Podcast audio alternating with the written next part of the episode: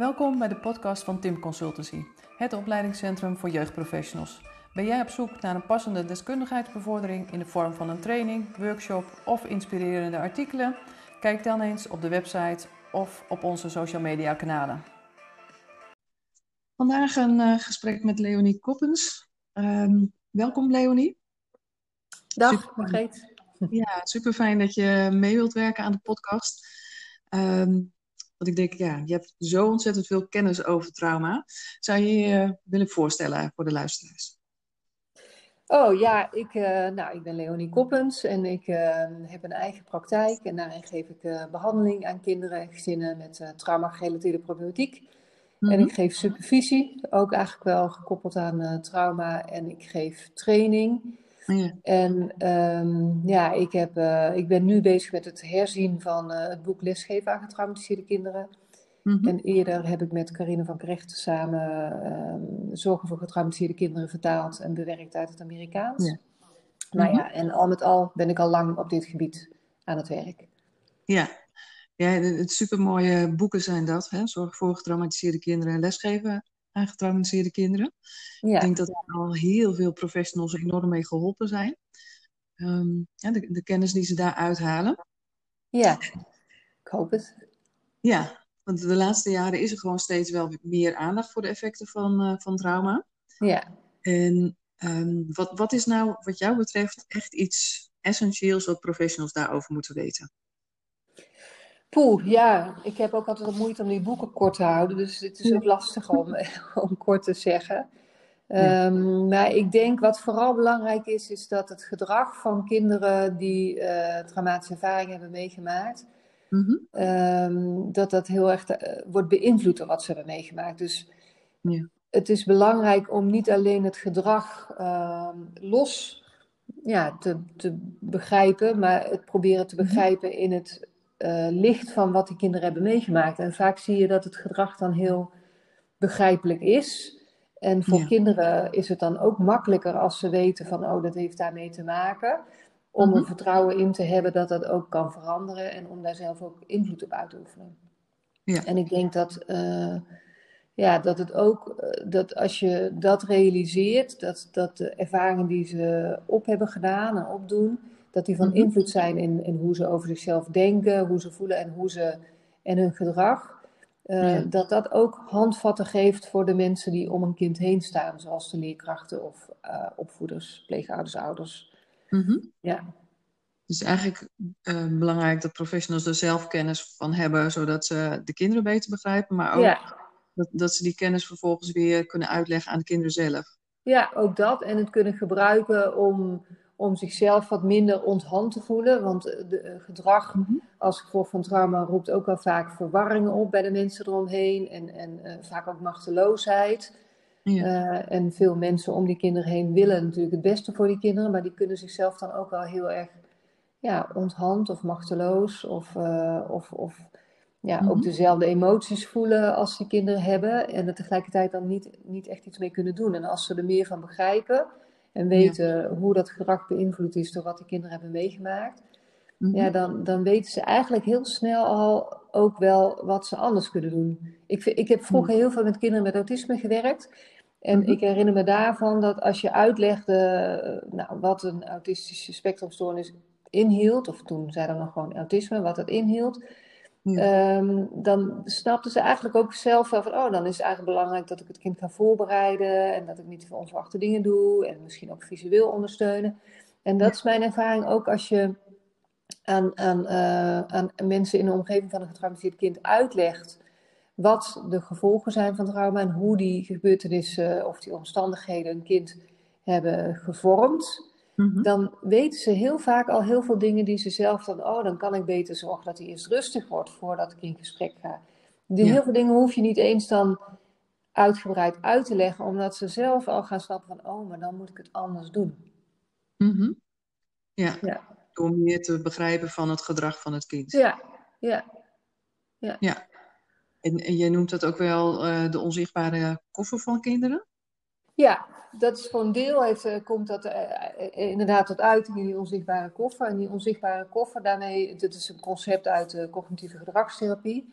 En daarmee bedoel ik dat, dat uh, nou, kinderen door de dingen die ze meemaken, van jongs af aan, hè, echt uh, als, een, als een, een babytje heeft al een, een, onzichtbare koffer met daarin ja, zeg maar, overtuigingen over zichzelf, over anderen. En natuurlijk is dat dan niet in taal, mm maar als een babytje nou, van een paar maanden, als die huilt en er wordt steeds ja, negatief op gereageerd. Hè? De, eh, een baby krijgt dan uh, een agressieve reactie of die wordt aan, aan zijn lot overgelaten. Dan kan die al leren dat uh, huilen gevaarlijk is of dat huilen geen zin heeft. Of dat eigenlijk leert hij dan ook, ik ben niet belangrijk hè, en anderen zijn niet te mhm. vertrouwen. En ik kan niet communiceren. Dus op basis van de dingen die je meemaakt, leer je eigenlijk dingen en ga je geloven, ga je dingen geloven over jezelf en over anderen en om, over de wereld om je heen. En, mhm. en als je eh, dingen gaat geloven over anderen, hè, bijvoorbeeld uh, anderen zijn uh, onbetrouwbaar, of misschien zelfs anderen zijn onberekenbaar of gevaarlijk, dan doet dat mhm. natuurlijk meteen iets met ja, hoe je je voelt als je in de omgeving van anderen bent. Of hoe je je relateert, hoe je je verhoudt tot anderen. dan waar uh, een kind dat uh, naar groep 1 gaat of vanuit, de meeste kinderen gaan naar, uh, die geloven dat volwassenen te vertrouwen zijn en dat die er zijn om hen te helpen. Dus als een, mhm. een, gemiddeld kind in een groep 1, die, die vertrouwt er ook op dat die leerkracht hem of haar gaat helpen. Maar als je andere ervaringen hebt waardoor je bent gaan geloven, hè, hebt geleerd dat anderen onberekenbaar zijn of jou niet uh, kunnen of willen helpen. Uh, en mhm. ook over jezelf hebt geleerd dat je niet belangrijk bent, dan is jouw relatie met die leerkracht al meteen heel anders. Hè? Dan kan die leerkracht voor jou iemand zijn waar je voor op moet letten, waar je in elk geval geen beroep op moet doen, die er toch niet voor jou is. Dus ook al ben je nog heel jong, leer mhm. je altijd uh, dingen uh, over, uh, over jezelf en over anderen. Um, ja, en dat is dan een mhm. beetje de bril waardoor je naar de wereld kijkt. Hè? Dus die koffer die neem je met je mee en die beïnvloedt hoe je je voelt en hoe je je gedraagt. Ja. ja en wat je denkt ja. in situaties. Ja, en je, je noemt als voorbeeld van hè, of er gereageerd wordt op een kind wat huilt. Ja. En, en hoe zit dat dan? Hè? Want vaak um, het stukje van getuigen zijn van geweld tussen je ouders. Ja. Uh, het nou gaat ja. over schreeuwen, boosheid of ja. echt vechten. Um, heel vaak hoor je toch nog mensen zeggen, ja, mijn kind is nog heel erg jong. Ja, ja. dat hoor ik ouders ook heel vaak zeggen. Dat is natuurlijk ook Um, waar ze ook wat ze graag willen geloven en wat ze ook, waar ze ook vaak hun best voor hebben gedaan. Hè? Dat, de, dat de ruzies dan toch nog zijn uitgesteld tot het kind in bed ligt of tot het kind op zijn kamer zit te spelen of, of in elk geval niet dichtbij is. Um, En ergens weten veel ouders ook wel van, nou ja, dat kan toch niet helemaal ongemerkt voorbij zijn gegaan. En wat ik van mhm. kinderen, ik zie natuurlijk dagelijks, uh, of nagenoeg dagelijks, uh, kinderen die, die ingrijpende gebeurtenissen hebben meegemaakt. Ik zie ook veel kinderen die uh, huiselijk geweld hebben meegemaakt. En die, mm die, die vertellen dan ook van ja, dan lag ik in bed en dan lag ik te luisteren of er weer ruzie was. Of ik, dan ging ik op, uh, zet ik de deur open om het te kunnen horen. Dat ik, want als, het, als ik dan mijn moeder niet meer zou horen, dan was ik altijd bang dat hij dood was. Of andersom natuurlijk. Dus ja, kinderen krijgen veel meer mee over het algemeen, ook van huiselijk geweld, dan uh, ouders denken. Ja, ouders, die, ja, dat, dat is, het zou natuurlijk heel fijn zijn als het niet zo was, en dat willen ze ook heel graag, mm maar het is niet zo. Hè? En het heeft natuurlijk ja. ook mee te maken dat kinderen heel erg gericht zijn op hoe het met die ouders gaat. En dat is niet allemaal expliciet of, of heel bewust. Maar kinderen zijn gewoon nog als ze jong zijn afhankelijk van die ouders. Dus het is belangrijk dat, mm -hmm. dat, dat dat veilig is. Dat die ouders veilig zijn en dat zij zich veilig voelen bij die ouders. En zodra dat ja. niet zo is, dan is er ook gewoon een, ja, zeg maar een evolutionair gegeven dat je extra alert bent van hoe gaat het daarmee. Dus dan gaan ze daar ook extra op letten. Ja. ja. En je zegt van soms, soms niks meer horen kan voor kinderen ook heel veel spanning geven. Dat ze dus ja. niet weten van, ja. leeft mama of papa nog? Ja, precies. Ja, ja. Mhm. Ja, dat is uh, ja. zeker als kinderen hebben meegemaakt dat, dat het heel uh, dreigend of gevaarlijk is, dan kunnen ze ook bang zijn dat een van de ouders uh, ja, zodanig iets aangedaan wordt dat hij doodgaat. Dus daar zullen ze echt, ja, daar kunnen ze ja. echt op ge, gespitst zijn. en, mm -hmm. um, ik geef nu veel training in het onderwijs en vaak is het wel een eye-opener voor leerkrachten als ik zeg, ja, kinderen kunnen ook de boel op stel te zetten, omdat ze hopen dat ze dan naar huis worden gestuurd. Hè? En soms willen hmm. ze naar huis omdat ze bang zijn dat er anders niemand is om, om ja, de ouder die gevaar loopt, om die te beschermen. Hmm. En om te zien of het daar nog wel, of die nog in leven is, of het daar nog goed gaat. En of, of als, een, hmm. als er nog jongere kinderen thuis zijn, hoe het daarmee gaat, of die wel veilig zijn. Ja. Mm Ja, dus jonge kinderen zitten al heel snel in die zorgmodus voor anderen. Ja, zeker. Ja, ja. Ja. ja. En als je daar constant mee bezig bent, dan vraagt dat natuurlijk heel veel van een kind. Ja, dat vraagt veel en dat vult ook die koffer. Hè? Want als je dan bijvoorbeeld al snel in die zorgmodus zit voor een jonger kind, hè, of voor een baby die nog in de buik zit bij, uh, bij de moeder, Um, mm Ja, dan is dat ook iets wat je gaat, van uh, ik ben verantwoordelijk voor die ander. Dat is ook iets wat je kunt gaan leren en wat een overtuiging uh, kan worden die je meeneemt. Hè? En dan, mm um, nou, ik sprak, ik had een tijdje geleden een, een gesprek met uh, Kim van Team Kim. En haar ook mhm. gevraagd of zij um, en een aantal van haar collega's van Team Kim mee wilden werken aan, het, aan de nieuwe versie van lesgeven aan getraumatiseerde kinderen. En Kim die vertelde dat zij toen ze opgroeide zich heel veel zorgen maakte over haar zusje. Nou, je kent het verhaal mhm. volgens mij. De zusje die gehandicapt uh, was. En, um, en op, op, een gegeven moment was haar moeder ook opnieuw zwanger.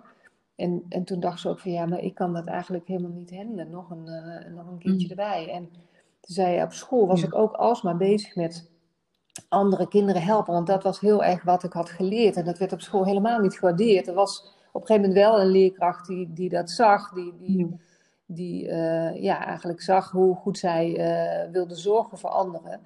Maar uh, het mhm. kan net zo goed heel anders uitpakken. Hè? Dat het op school bemoeizuchtig wordt genoeg, gezien als bemoeizuchtig of, of als ehm, nou ja, iets wat gewoon niet passend is in die context van een klas en zeker niet op jonge leeftijd. Mm dus ja. je leert dingen in die thuissituatie, in die relatie met je ouders en je, en je broertjes en je zusjes.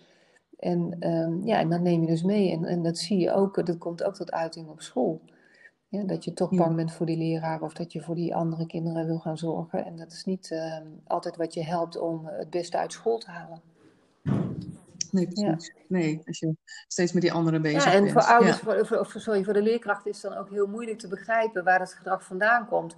En als je weet uh, wat, wat die thuissituatie in dit geval van Kim is, dan, uh, mm. dan zou je het gedrag beter kunnen begrijpen. En dat geldt natuurlijk ook voor, voor heel veel andere uh, gedragingen van kinderen. Hè? Dat het op zich staande gedrag heel moeilijk te begrijpen is. En als je iets meer weet over die context waarin een kind is opgegroeid of opgroeit, dan denk je van, oh, dat is mm. eigenlijk heel logisch dat dat gebeurt. Hè? Ja. ja ja. Dus daarin hebben uh, scholen, leerkrachten hebben daar een hele belangrijke rol om dat gedrag van kinderen ook te signaleren.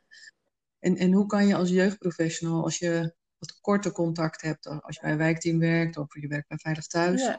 Wat, wat zijn dan dingen waar je in ieder geval alert op moet zijn? Ja, ik denk dat het heel erg om dezelfde dingen gaat. Dat is ook echt mijn ervaring, dat het uiteindelijk om dezelfde dingen gaat. Dus als je in een, in een wijkteam werkt, dat je ook uh, je, dat je weet dat, dat, uh, dat het trauma veel gevolgen kan hebben. En uh, dat veel problemen mhm. waar kinderen mee aangemeld worden in de jeugdhulpverlening of in de jeugdzorg, dat die ook te maken hebben met dingen die kinderen hebben meegemaakt. Dus dat dat iets is waar je altijd naar moet vragen. En waar je altijd mhm. alert op moet zijn. En waar je kinderen naar moet vragen, waar je ouders naar moet vragen. En je moet natuurlijk ook een sfeer kweken waarin dat kan, waarin je daarnaar kunt vragen. Nou, dat is iets waar jij natuurlijk ook veel mee bezighoudt.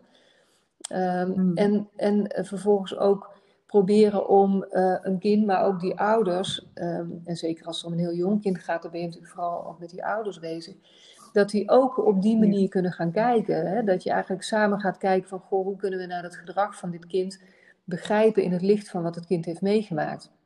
En wat, mm. wat uh, heeft een kind geleerd over zichzelf en anderen. En en wat verwacht het? En, en wat heeft een kind nodig om dan, hè, als je in die metafoor van die onzichtbare koffer blijft, om die opnieuw in te pakken? En daarin kan je natuurlijk als, als, mhm. als, als um, professional, of je nou in een wijkteam werkt of op een andere plek.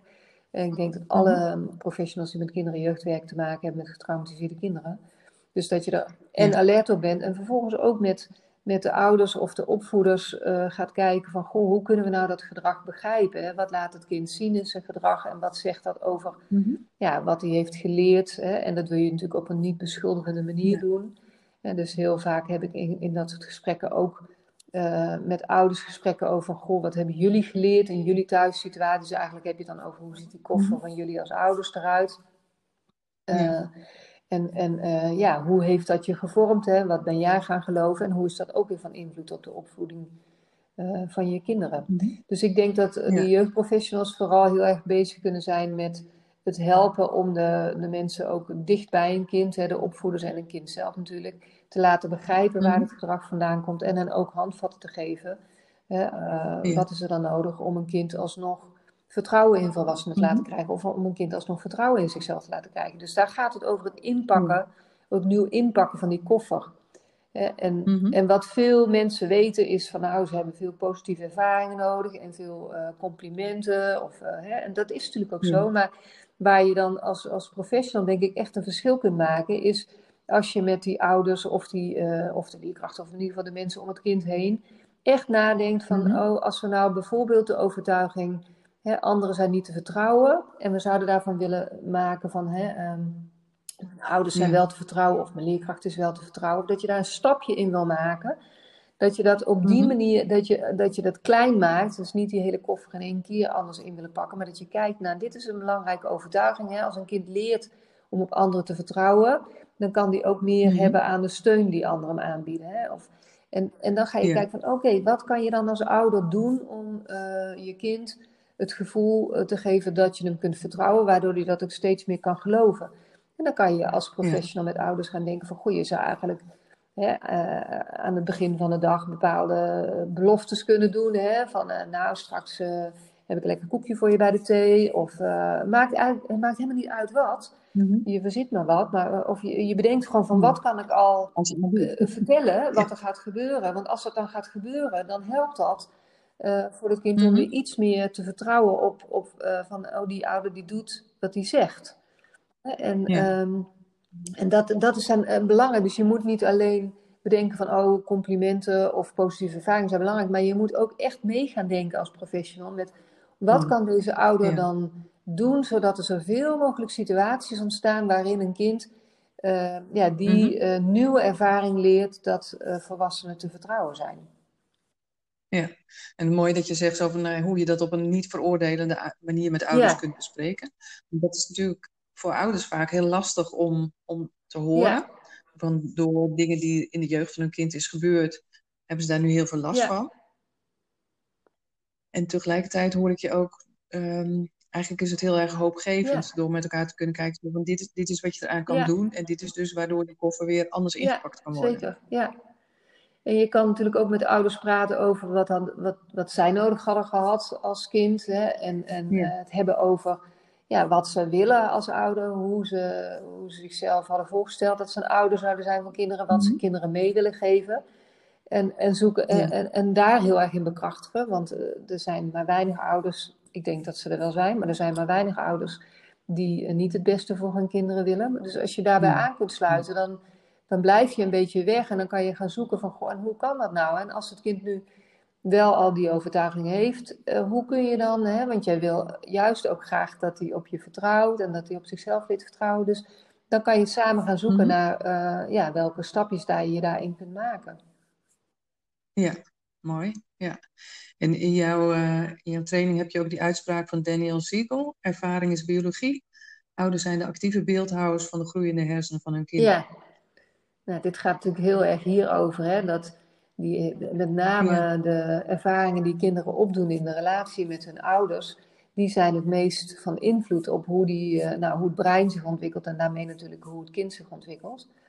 Um, ja. En, en uh, dan pak ik hem even terug op dat hoopvolle, want dat is natuurlijk ook, hè, die ouders zijn ook degene, of uh, pleegouders mm -hmm. of andere opvoeders, dat zijn ook degene die er ja, als, dat, als daar dingen niet goed in zijn gegaan, die weer heel veel potentie hebben, zeg maar, die juist de mogelijkheden hebben om daar ook ja. weer uh, uh, ja, dat meer in een positieve richting te ontwikkelen.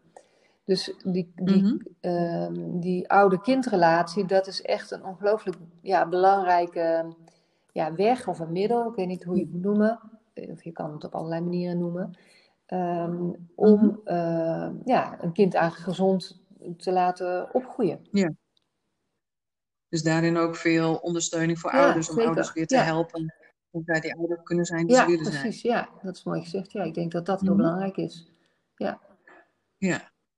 Dus en dat, is- dan doe je wel weer een appel op de veerkracht van, van kinderen. Dat ze weer zeker. kunnen stellen. Ja, Maar ook, ook ja, ouders. de veerkracht van de kinderen en dat gaat en ook die plasticiteit van het brein. Hè, dat het is niet allemaal in, in beton gegoten. Je kan daar echt nog wel eh, veel in veranderen. En eh, ja, ik denk dat het belangrijk is dat je vanaf het begin daarin eh, de juiste kennis hebt en natuurlijk ook vaardigheden. Maar ik denk dat die kennis helpt al heel veel. Mm. Vaak hebben professionals al veel vaardigheden in huis. En als ze hier meer begrip van hebben, dan, dan weten ze vaak, nou daar begon ik mijn verhaal een beetje mee, eh, vaak ook al wel wat ze kunnen doen. En er valt natuurlijk een hoop meer over te leren. Ehm, maar Mm. ik denk dat dat, eh, ja, dat dat een groot verschil kan maken. Ja. Dus dat, dat brein van kinderen, dat is best nog wel flexibel. Ja, Daar kan je nog best wel is het ja, wel zo dat hoe jonger je eh, daarbij kunt zijn om, om, om dat positief te beïnvloeden, hoe beter. Met name, Mhm. ja, sommige delen van het brein zijn wat, wat minder eh, plastisch. Dus je wil daar wel, zo, of plastisch bedoel ik, veranderbaar. Dus je wil daar wel eigenlijk zo Mhm. vroeg mogelijk bij zijn. Eh, en daarom is natuurlijk ook die kennis heel belangrijk, zodat je ja, meer begrijpt eh, van, van, van het belang van hè, die ervaringen die die kinderen, of de, de gevolgen van de ervaringen die die kinderen in die jonge leeftijd in de relatie met hun ouders opdoen. Mhm. Als we daar met z'n allen heel alert op zijn, dan kunnen we natuurlijk ook ja, voorkomen dat daar, eh, en je kan niet alles voorkomen, maar je kan wel Ja. ja, eerder ehm, ja, erbij zijn om, om, om mee te kijken en om, om Mhm. bij te, hè, te, te sturen als dat hè, nodig is. Of, ehm, Ja. En daar ook met z'n allen wat alerter op te zijn. En ouders weten dat zelf natuurlijk ook vaak niet, dat dat zo belangrijk is, die eerste periode.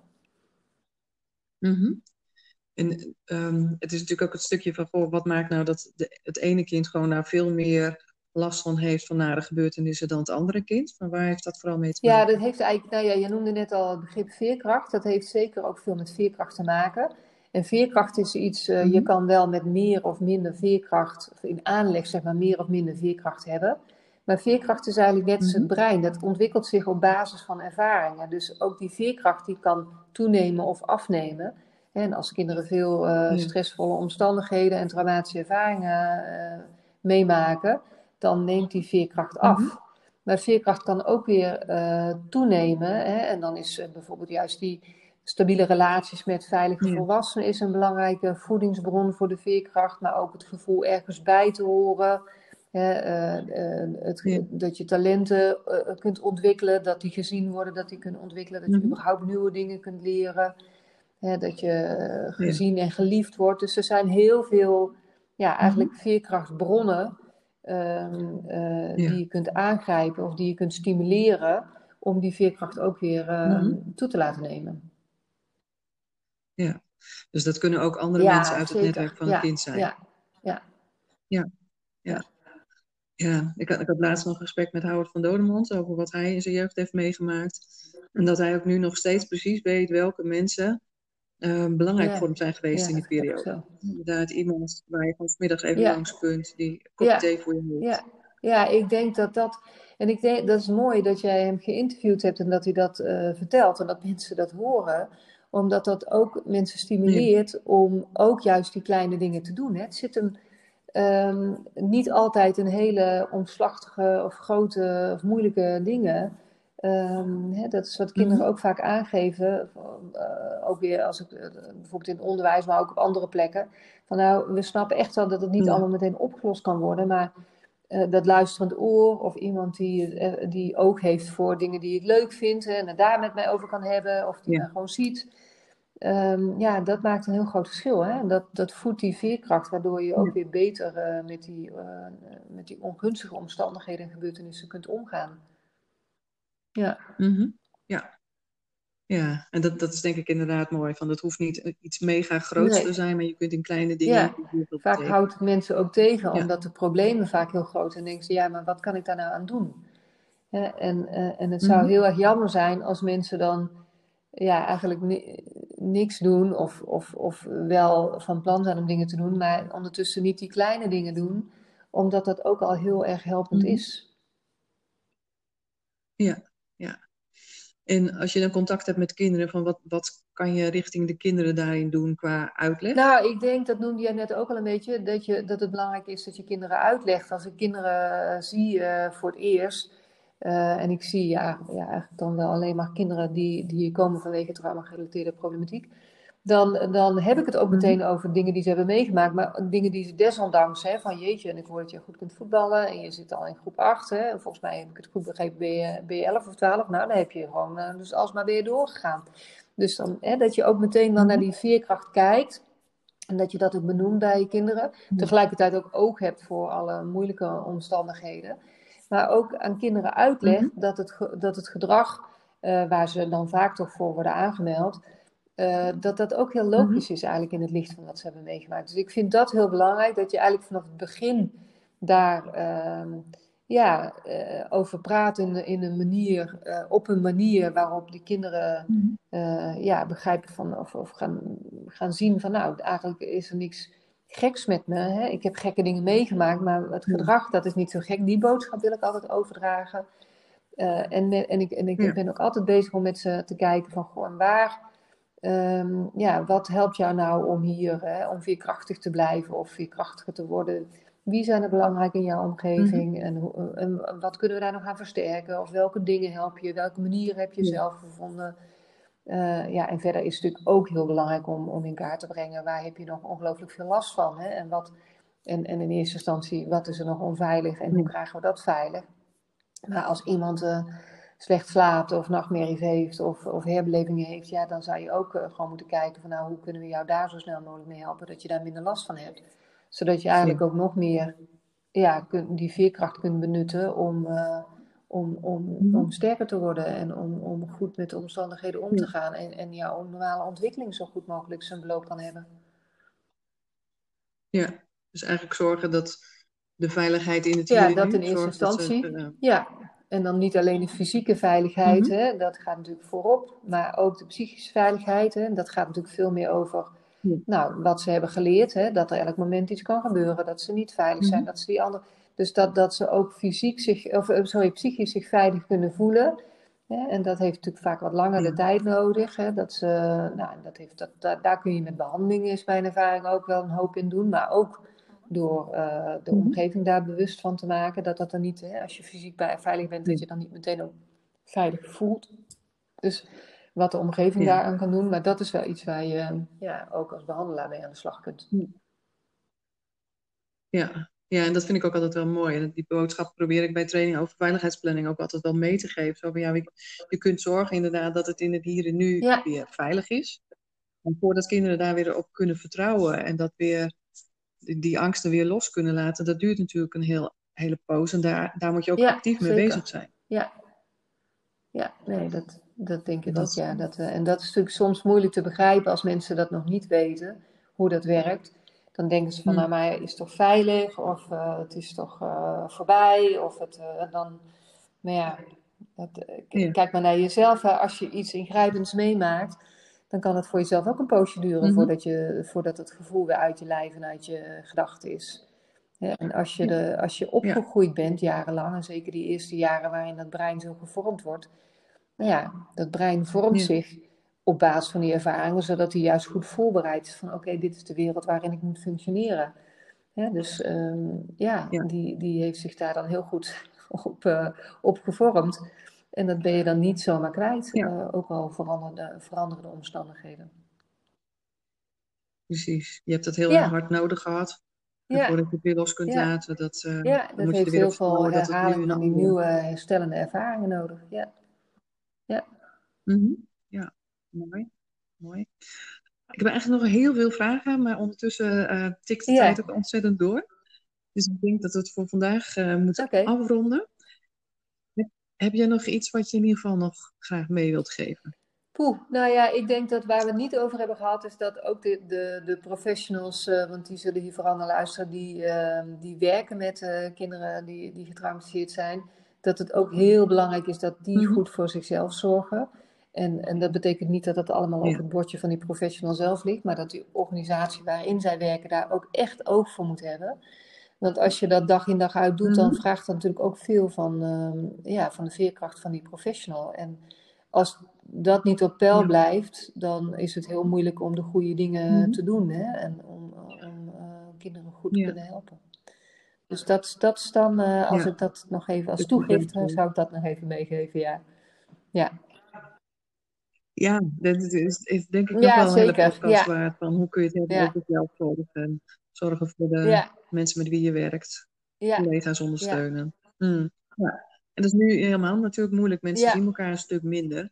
Dus hoe weet je dan van elkaar hoe je erbij zit? Ik denk dat dat echt extra aandacht uh, vraagt. En, uh, en dat, dat, ja, dat, dat, dat je daar inderdaad bij jezelf en ook bij je collega's en bij als je leidinggevende bent, ook uh, dat je daar erg uh, ja, bewust van moet zijn en, en actie op moet ondernemen. Dus dat je actiever moet mm polsen hoe mensen erbij zitten, hoe het met ze gaat. Ja, dan denk ik zeker. Ja. Ja. ja. Dat is een mooie boodschap. Zorg goed voor jezelf en zorg goed voor elkaar. Ja, goed om daarmee af te sluiten. Ja, mooi. Ja. Nou, dan wil ik je in ieder geval hartelijk danken voor, nou, uh, voor dit gesprek. Ik denk heel waardevol voor mensen om te horen. Ja, super. Dankjewel, Dankjewel. jij ook. Dan ja. Uh, sluit ik die af. Dankjewel voor het luisteren naar deze podcast van Tim Consultancy. Hopelijk was het een waardevol gesprek voor je om naar te luisteren. Wil je meer weten over de onderwerpen die we in onze podcast bespreken? Check dan ook onze social media kanalen of de website van Tim Consultancy voor een van onze opleidingen of trainingen. Heel graag tot een volgende keer en een fijne dag gewenst.